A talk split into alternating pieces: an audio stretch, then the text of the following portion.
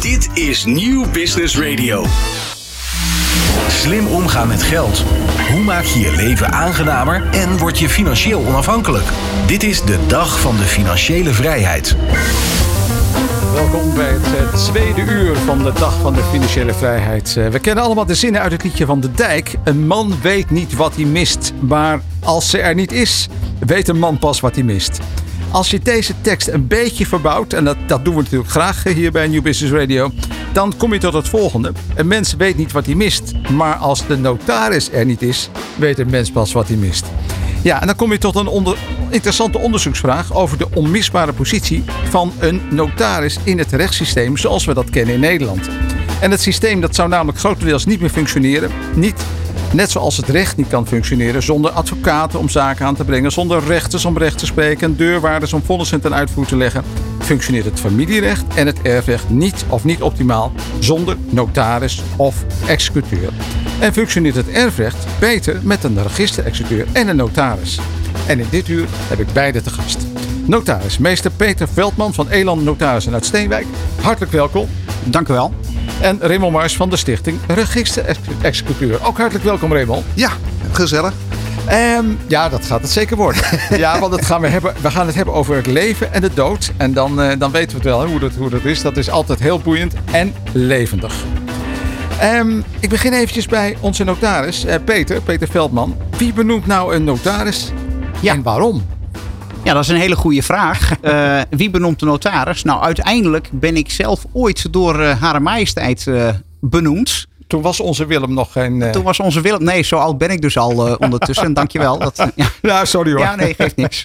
Ehm, ja, en daar gaat een heel traject aan vooraf. Je moet eerst de universiteit hebben gedaan. Je moet de beroepsopleiding hebben gedaan. Je moet minimaal zes jaar ervaring hebben als notaris of als kandidaat notaris een ondernemingsplan schrijven en tegenwoordig ook een persoonlijkheidstoets doen. Een ondernemingsplan schrijven? Als ja.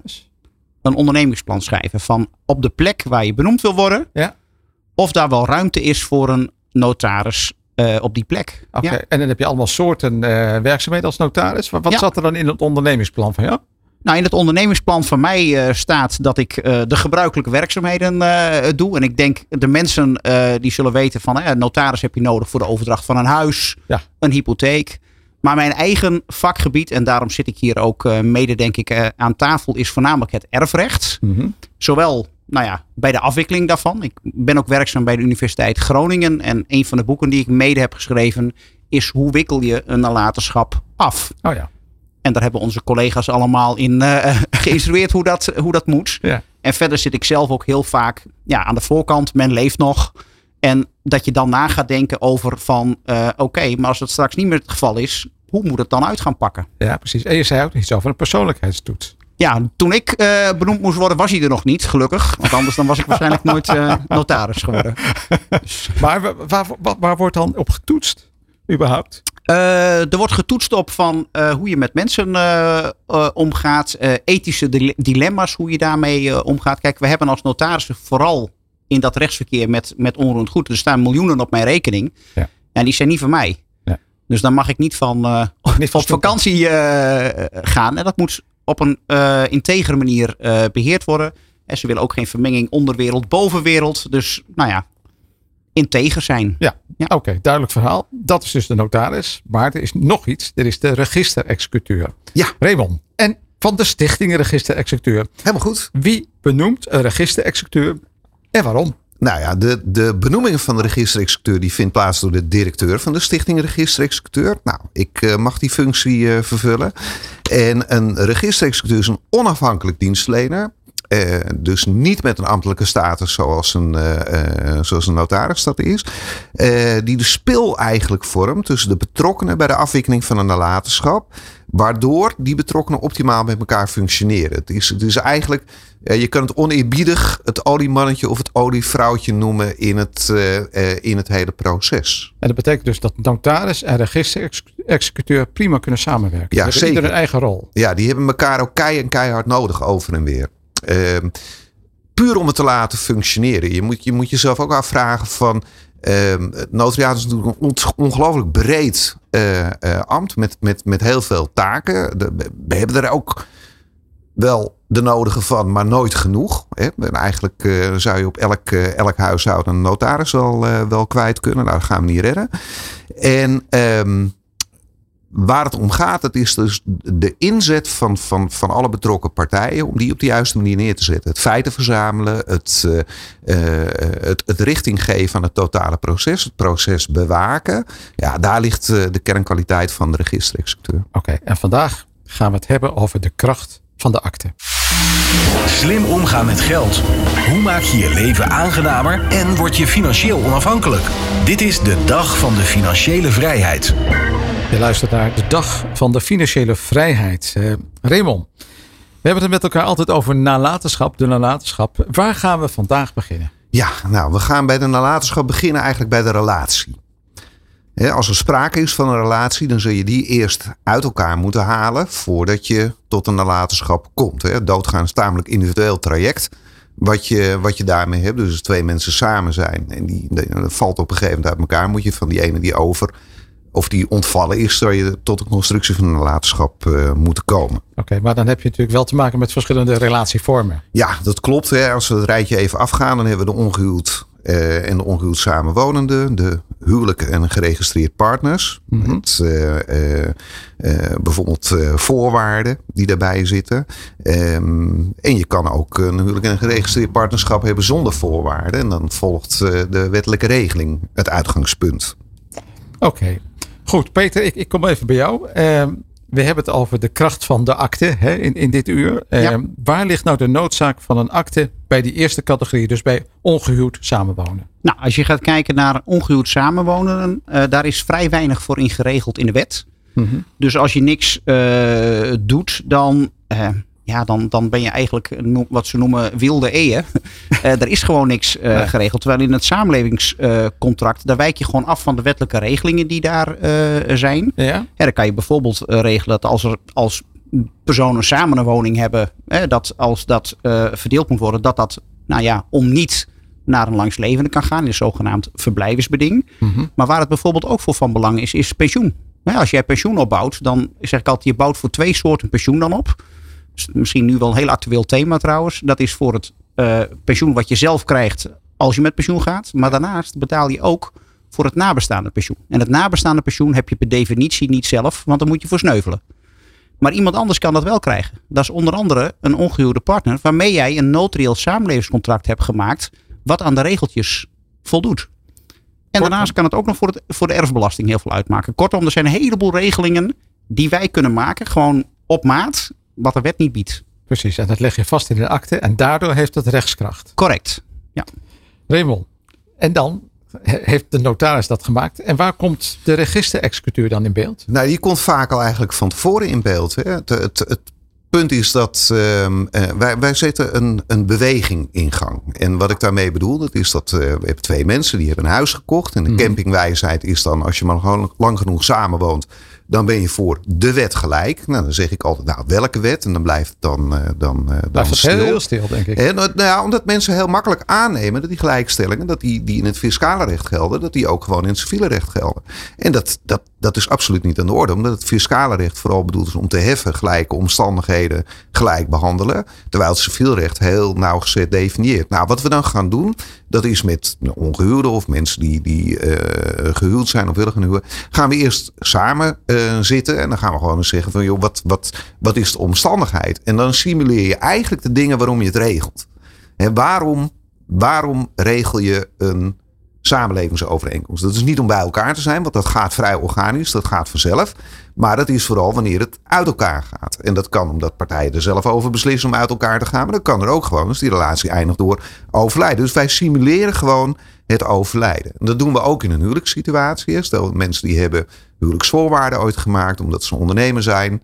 Eh, en zeggen, ja, ik wil dat risico uh, beperken. Inmiddels is die onderneming niet, meer. Dan moet je ook afvragen van, hey, past dit nog? Mm.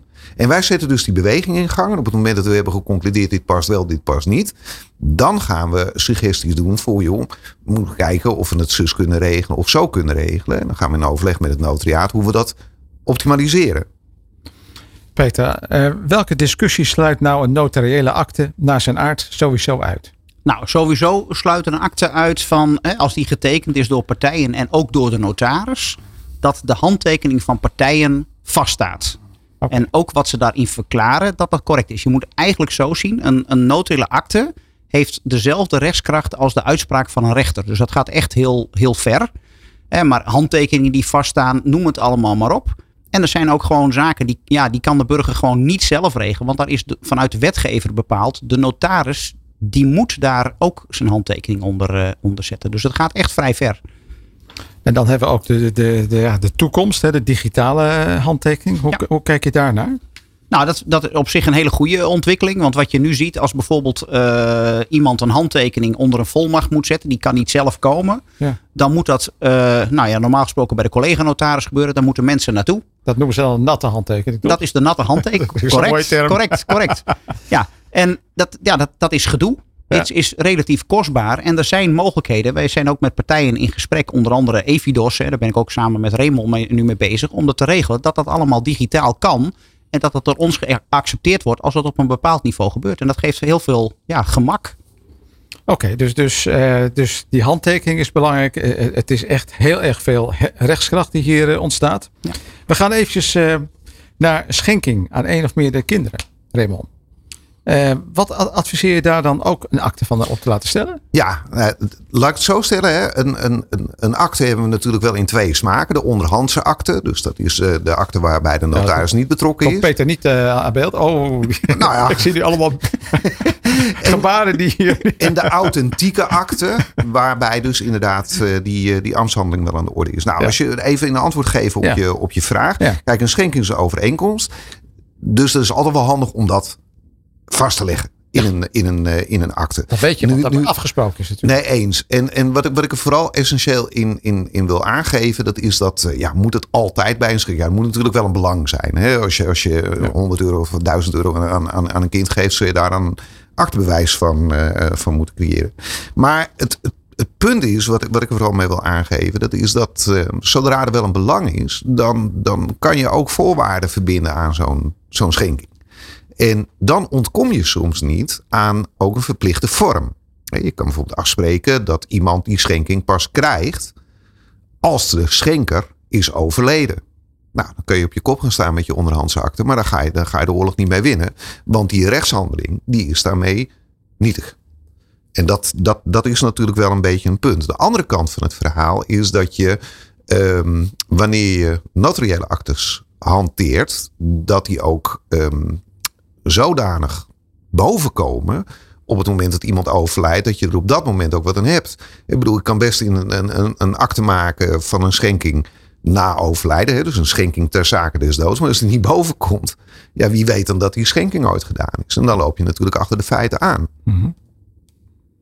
Goed. Ehm, Peter, hoe is dat dan geregeld in Nederland? Dat dergelijke actes, zoals eh, Raymond dat zegt, bovenkomen Ja, nou, na dat, overlijden? dat hebben we inderdaad in de beroepsgroep eh, geregeld. Dat is er een, een centraal register voor. Dat wordt eh, door onze beroepsorganisatie wordt dat, in Den Haag eh, bijgehouden. Dus elke notaris die een akte maakt die effect kan hebben na overlijden, die wordt daar aangemeld. Dus daardoor heb je één- eigenlijk één groot digitaal register.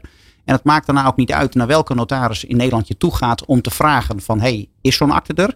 Die kan ze tevoorschijn toveren. Althans, die kan zien van waar die akte is gemaakt. De schenkingsactes, die komen daarin. De- nou, de, nee, er komt in de melding dat er dan bijvoorbeeld bij mij een schenkingsakte is gemaakt. Oké. En die collega die dan betrokken wordt bijvoorbeeld bij de afhandeling uiteindelijk van de relationschap.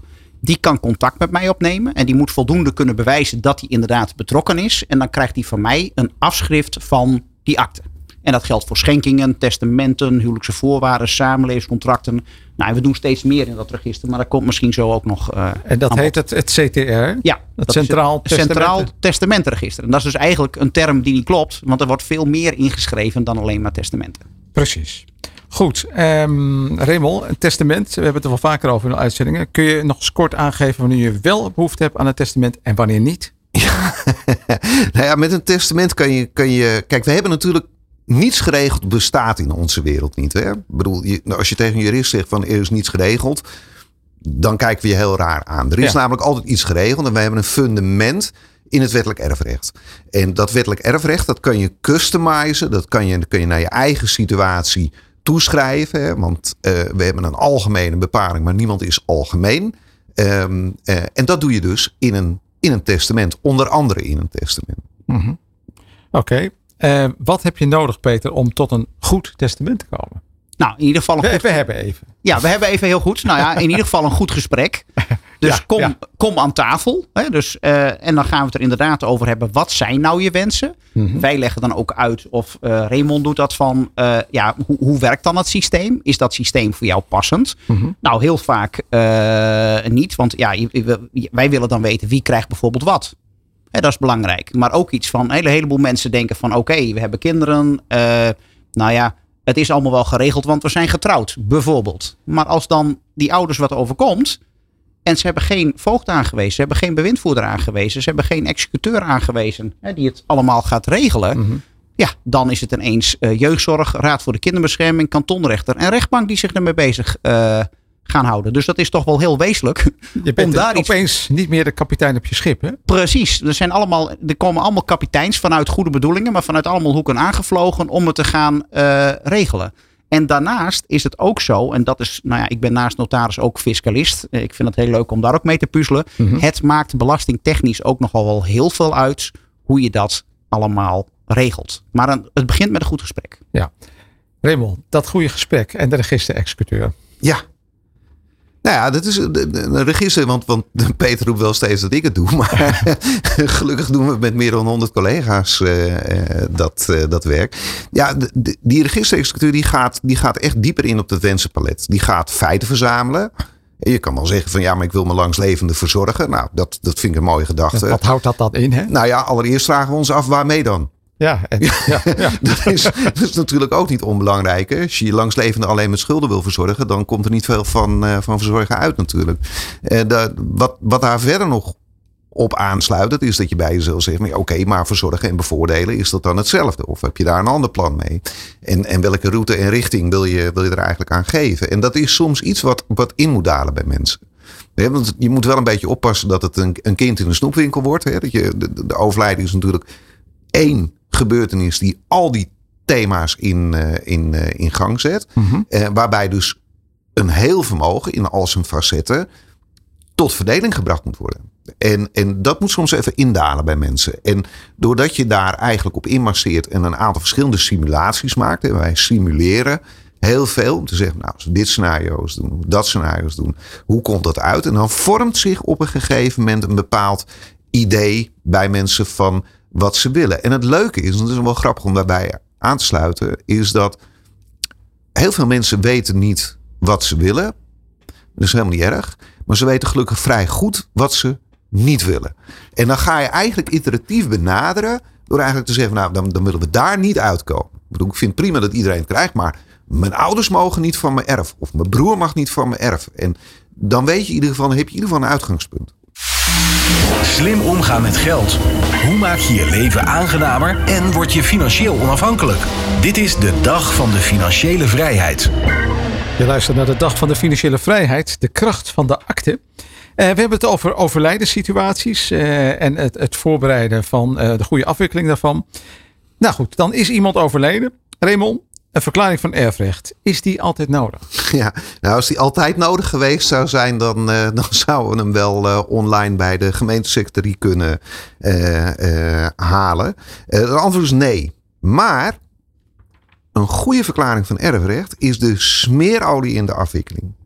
Als je een goede verklaring, als je een goede hebt, een goede, goede verklaring van erfrecht, die gewoon passend is op die, op die afwikkeling, dan, ehm, dan loopt zo'n afwikkeling ook een stuk beter. En als je een goede verklaring van erfrecht hebt, dan heb je ook minder goede verklaring van erfrecht. Oké, en een verklaring van erfrecht die brengt erfgenamen, laatste wil en executeur bij elkaar. Ja, Huh? Dus dat is, dat is op dat moment ontstaat de situatie waarmee je verder moet. Oké. Peter, je bent als eh, notaris exclusief bevoegd om zo'n verklaring van erfrecht af te geven. Ja. Deel je nou de mening van Raymond? Zeker. Ja, ik deel zeker de mening dat dat eh, de smeerolie is. En het is ook eigenlijk zeg maar de, ja, de master key, als je het zo wil noemen. om de nalatenschap verder af uh, te gaan, uh, gaan wikkelen. Daar staat in nou ja, wat er in het verleden allemaal is bedacht of niet bedacht. En wat de consequenties daarvan zijn. En die verklaring van erfrecht, daar mag men dus ook in het rechtsverkeer van uitgaan dat dat klopt. Daar ga je, ga je vanuit. Diegene he, die daarin staat, die mag handelen of beperkt handelen. Het hangt er net vanaf hoe die verklaring is opgesteld. maar daar begint het mee. En, en ja, ik zeg ook altijd, ook op college, daar begint ook het notariële maatwerk. Dat je heel goed moet kijken van hoe ziet, hoe ziet die situatie er nou uit? Wat, wat zijn dan gekke dingen die je tegen te komen in zo'n verklaring van erfrecht? Nou, je, je, je kan van alles uh, tegenkomen. Je kan, je kan te maken hebben met oudere testamenten, waarbij je moet gaan interpreteren van hoe werkt dat nu. Hè? We hebben in 2003 hebben we nieuw erfrecht gekregen. Dus het huidige erfrecht bestaat nu net 20, uh, 20 jaar. Dus een binnenkort feestje. Uh, maar het oude erfrecht. Altijd leuk. Altijd leuk. maar het oude erfrecht was uit, uit 1838. Een heleboel mensen die ooit een testament hebben gemaakt, hebben te horen gekregen. Nou ja, hè, dat, is, dat is hartstikke goed. Ja, dat klopte. Toen was het hartstikke goed. Maar je moet het eigenlijk zien testament is een foto, is een momentopname.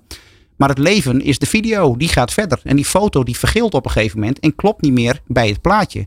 Nou, als je daar toch mee te maken hebt, dan moet je gaan kijken hoe moet je dat gaan, uh, gaan oplossen. Oké, okay, helder. Dan hebben we na die verklaring van erfrecht de boedelbeschrijving. Ja. Raymond, wat is dat? Nou ja. Is dat net als de verklaring van erfrecht ook een notariële akte? Even kijken, nou, dat, is, dat, is, dat is een stelling eigenlijk met, met, met twee vragen. Ik ga ze even allemaal kort behandelen. Ja, dat is goed. Um, ik daag jou uit. Nou ja, allereerst, de boedelbeschrijving bestaat niet.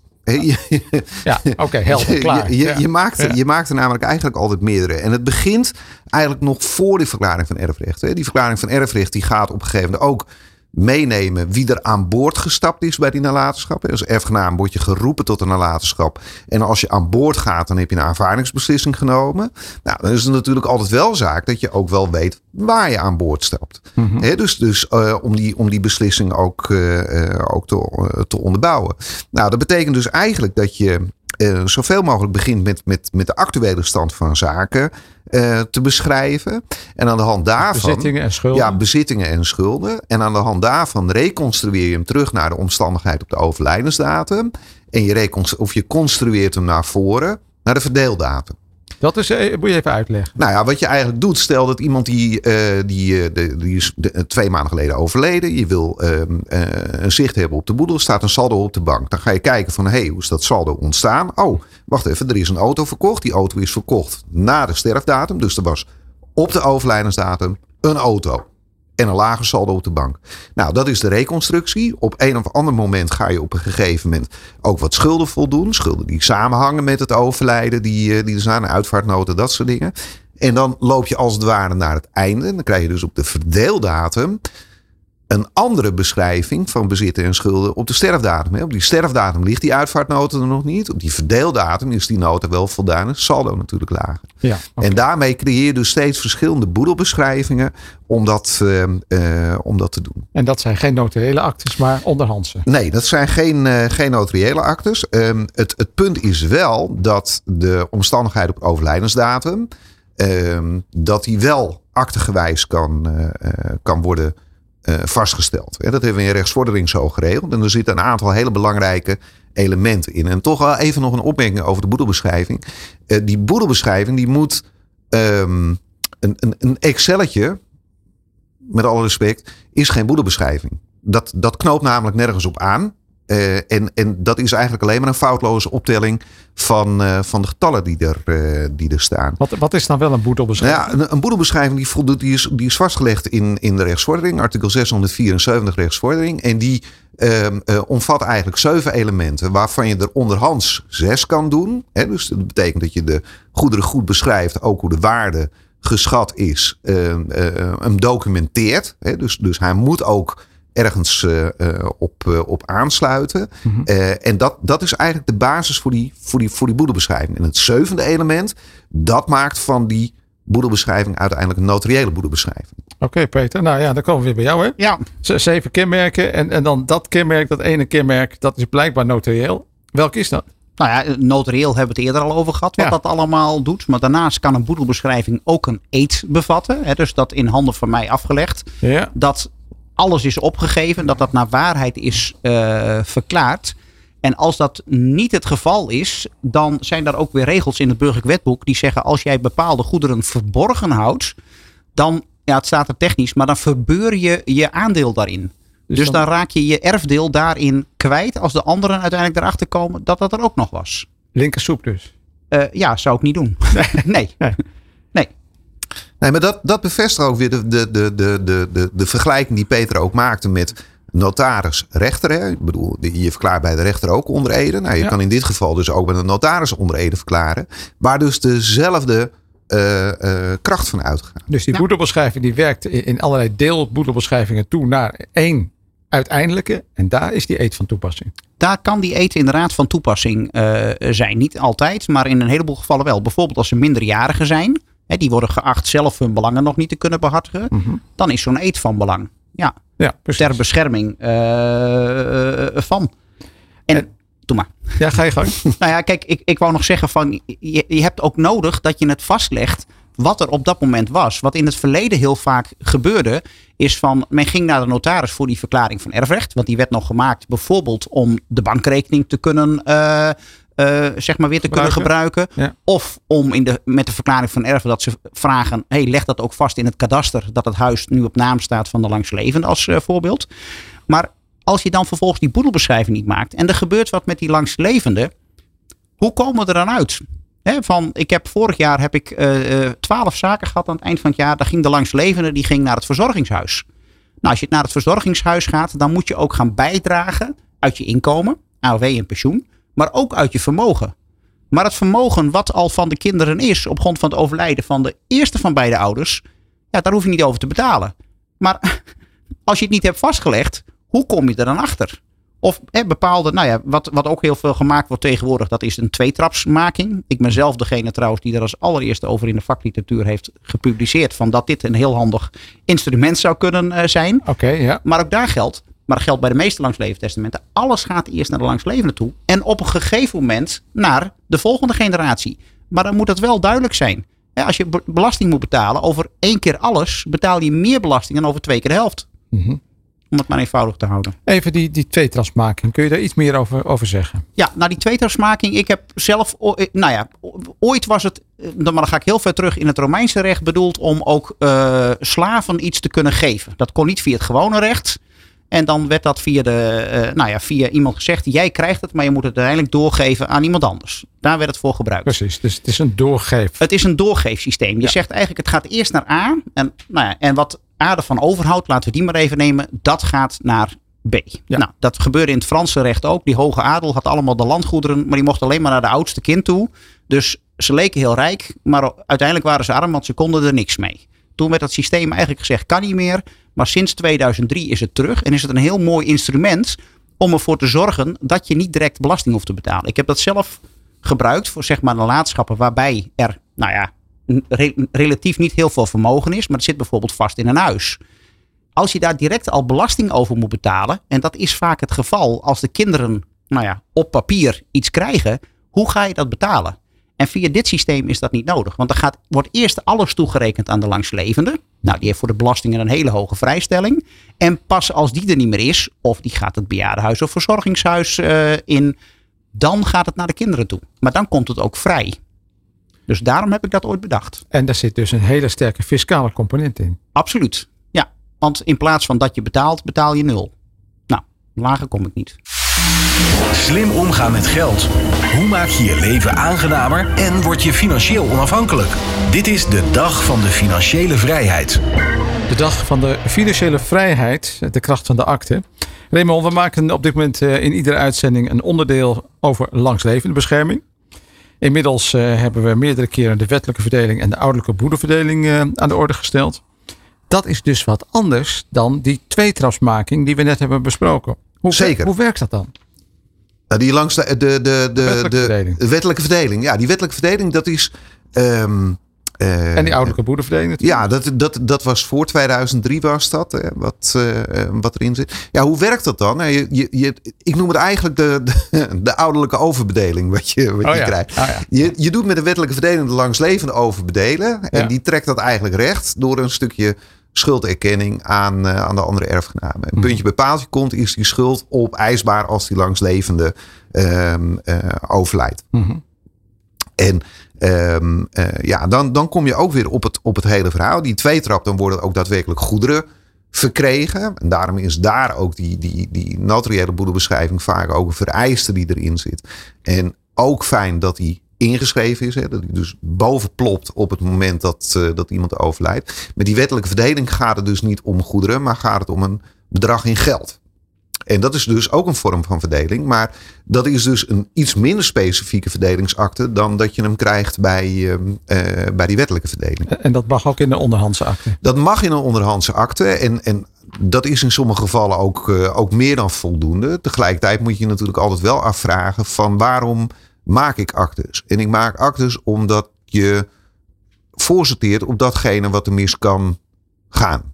En, en weet je, als zo'n vordering in geld is natuurlijk altijd redelijk eenvoudig te reconstrueren.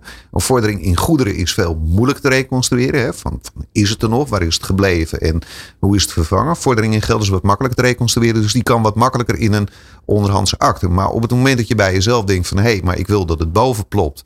En ik wil dat het, uh, uh, uh, dat het verplicht bewijs is. Ja, dan maak je er een, een, een, een authentieke of een onderhandse akte van. En bij voorkeur een authentieke akte, omdat je die ook meteen kan executeren. Ja. Oké, okay, en dan heb je dus in, in, wezen een akte van verdelingen. Ja. Peter, zo'n zo akte van verdeling, die kan ook gelden voor andere verdelingen dan de wettelijke verdeling of ouderlijke boedelverdeling. Wanneer is een akte van verdeling nog meer aan de orde? Zeker, nou op een heleboel uh, momenten. Kijk, die wettelijke verdeling en die ouderlijke boedelverdeling, die zien op, het, op de situatie dat er een langslevende is en kinderen. Ja. Alle andere verdelingen zien op de situaties waarbij dat niet het geval uh, is. Stel, de langslevende komt te overlijden. Ja, dan krijg je een onverdeeldheid tussen, uh, tussen de kinderen. Mhm. Mm -hmm. Dus ja, dan ontstaat er een, een, onverdeeldheid. Om het maar even op het erfrecht te houden. Dus bijvoorbeeld, eh, je hebt een, twee erfgenamen, er zijn ook twee woningen.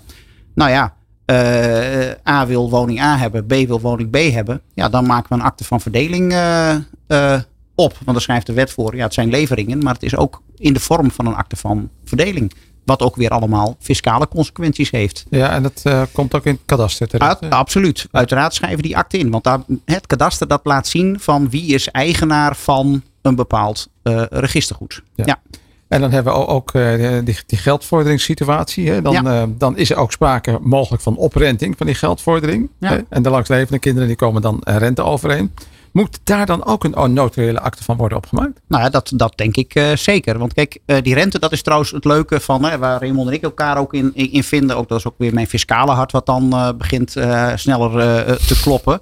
Want wat je daarmee doet, is dat je gaat zorgen met die rente. Dat uiteindelijk als de langslevende wat overkomt, weer het verzorgingshuis of overlijden, dat er minder belasting betaald hoeft te worden. Want als ja. je dat goed doet, dan gaat dat ja, vestzak, broekzak naar de kinderen toe. En ja, een zo'n renteovereenkomst, dat wordt gezien als een, hè, zeker als die omhoog gaat. Dus stel hij is eerst nul. En je spreekt af langs leven en kinderen dat in plaats van nul, dat er met 6% samengesteld uh, wordt. Dan geeft de langslevende eigenlijk iets weg. En in principe hoeft dat pas uitgekeerd te worden na overlijden van die langslevende. En dan is het, wordt het gezien als een schenking ter zake des doods. En dat heeft Raymond eerder al gezegd, hè, ook met die papieren schenking. Dan moet het bij akte gebeuren, want anders uh, is het niet geldig. Dus uh, ja, ja. Maar dan zou ik sowieso langskomen hoor. Want je moet ook echt gaan rekenen. En de registerexecuteur die kan dat ook heel goed. Die hebben er ook tools voor om dat te doen.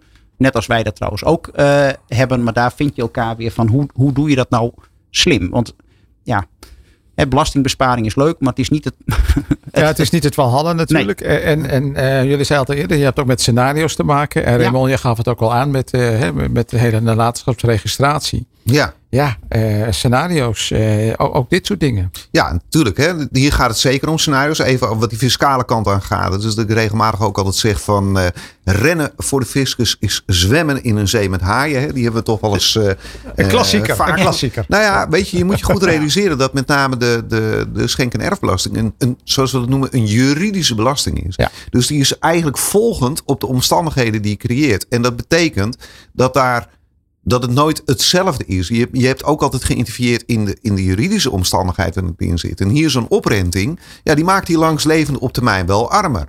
Kijk, weet je, heb je die kinderen die komen allemaal uit hetzelfde ouderpaar, dan loopt het of over de linkerkant of over de rechterkant. Het maakt niet uit. Maar heb je kinderen uit verschillende relaties die erin zitten, dan kan je nog wel eens tot een onevenwichtigheid komen. Dat degene die bij de langslevende eigenlijk aan de kinderkant zit, strikt genomen minder erft, omdat die anderen een opgerente vordering uit het eerdere overlijden hebben. Helder.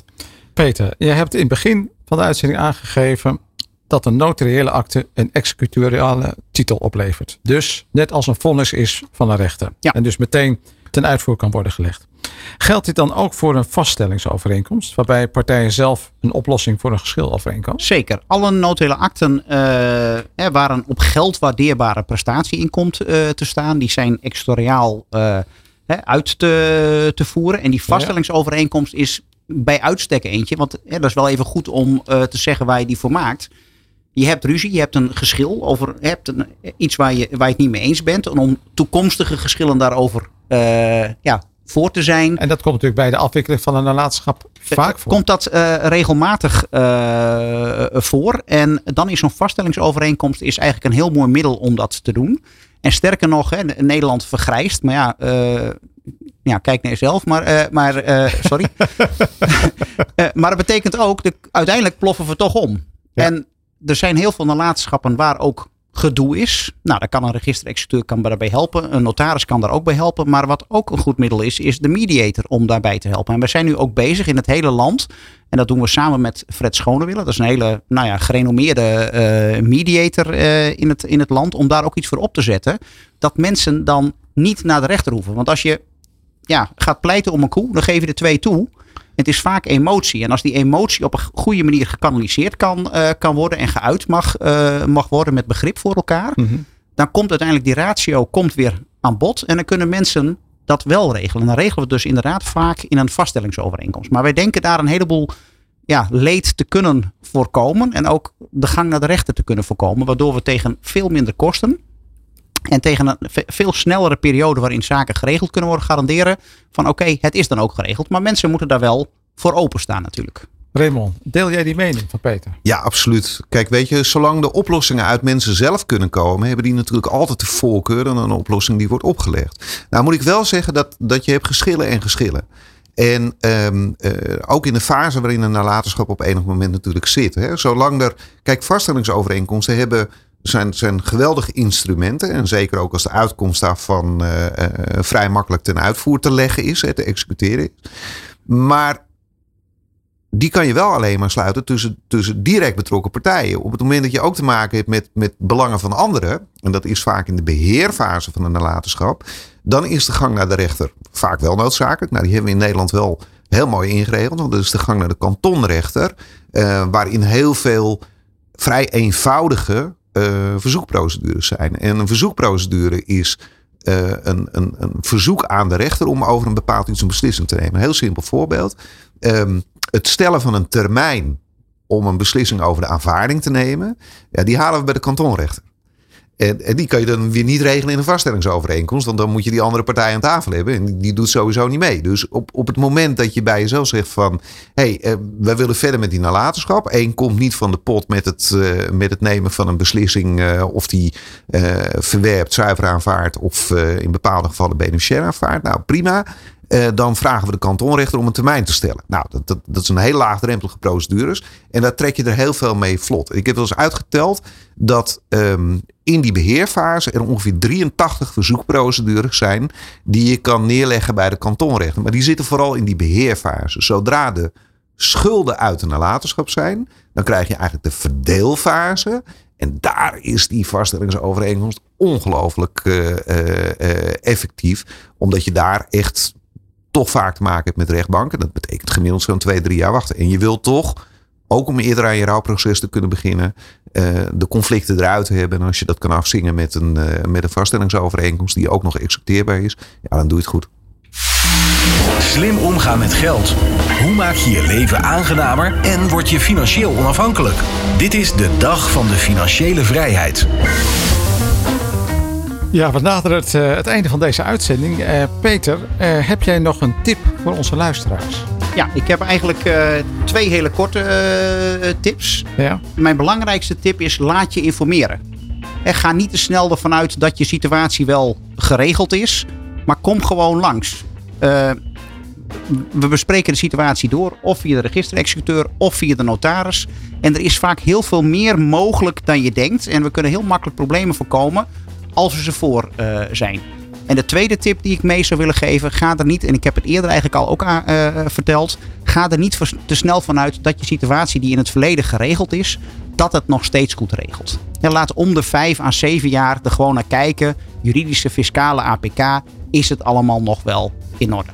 Dankjewel Peter. En Raymond, heb jij nog tips? Ja. Vast wel hè? Nou, absoluut. Onderschat de complexiteit van een nalatenschap niet. Nalatenschappen worden heel snel complex en repareren is vaak veel duurder dan uh, problemen voorkomen. Ook in de afwikkeling. Hè? Dus, dus vraag die begeleiding. Het is helemaal geen schande om dat te doen, want het is best wel een ingewikkeld ding.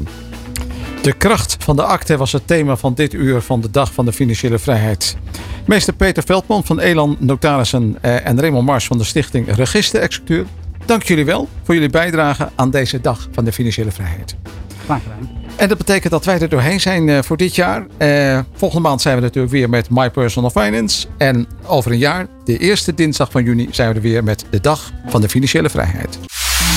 Slim omgaan met geld. Hoe maak je je leven aangenamer en word je financieel onafhankelijk? Dit is de Dag van de Financiële Vrijheid.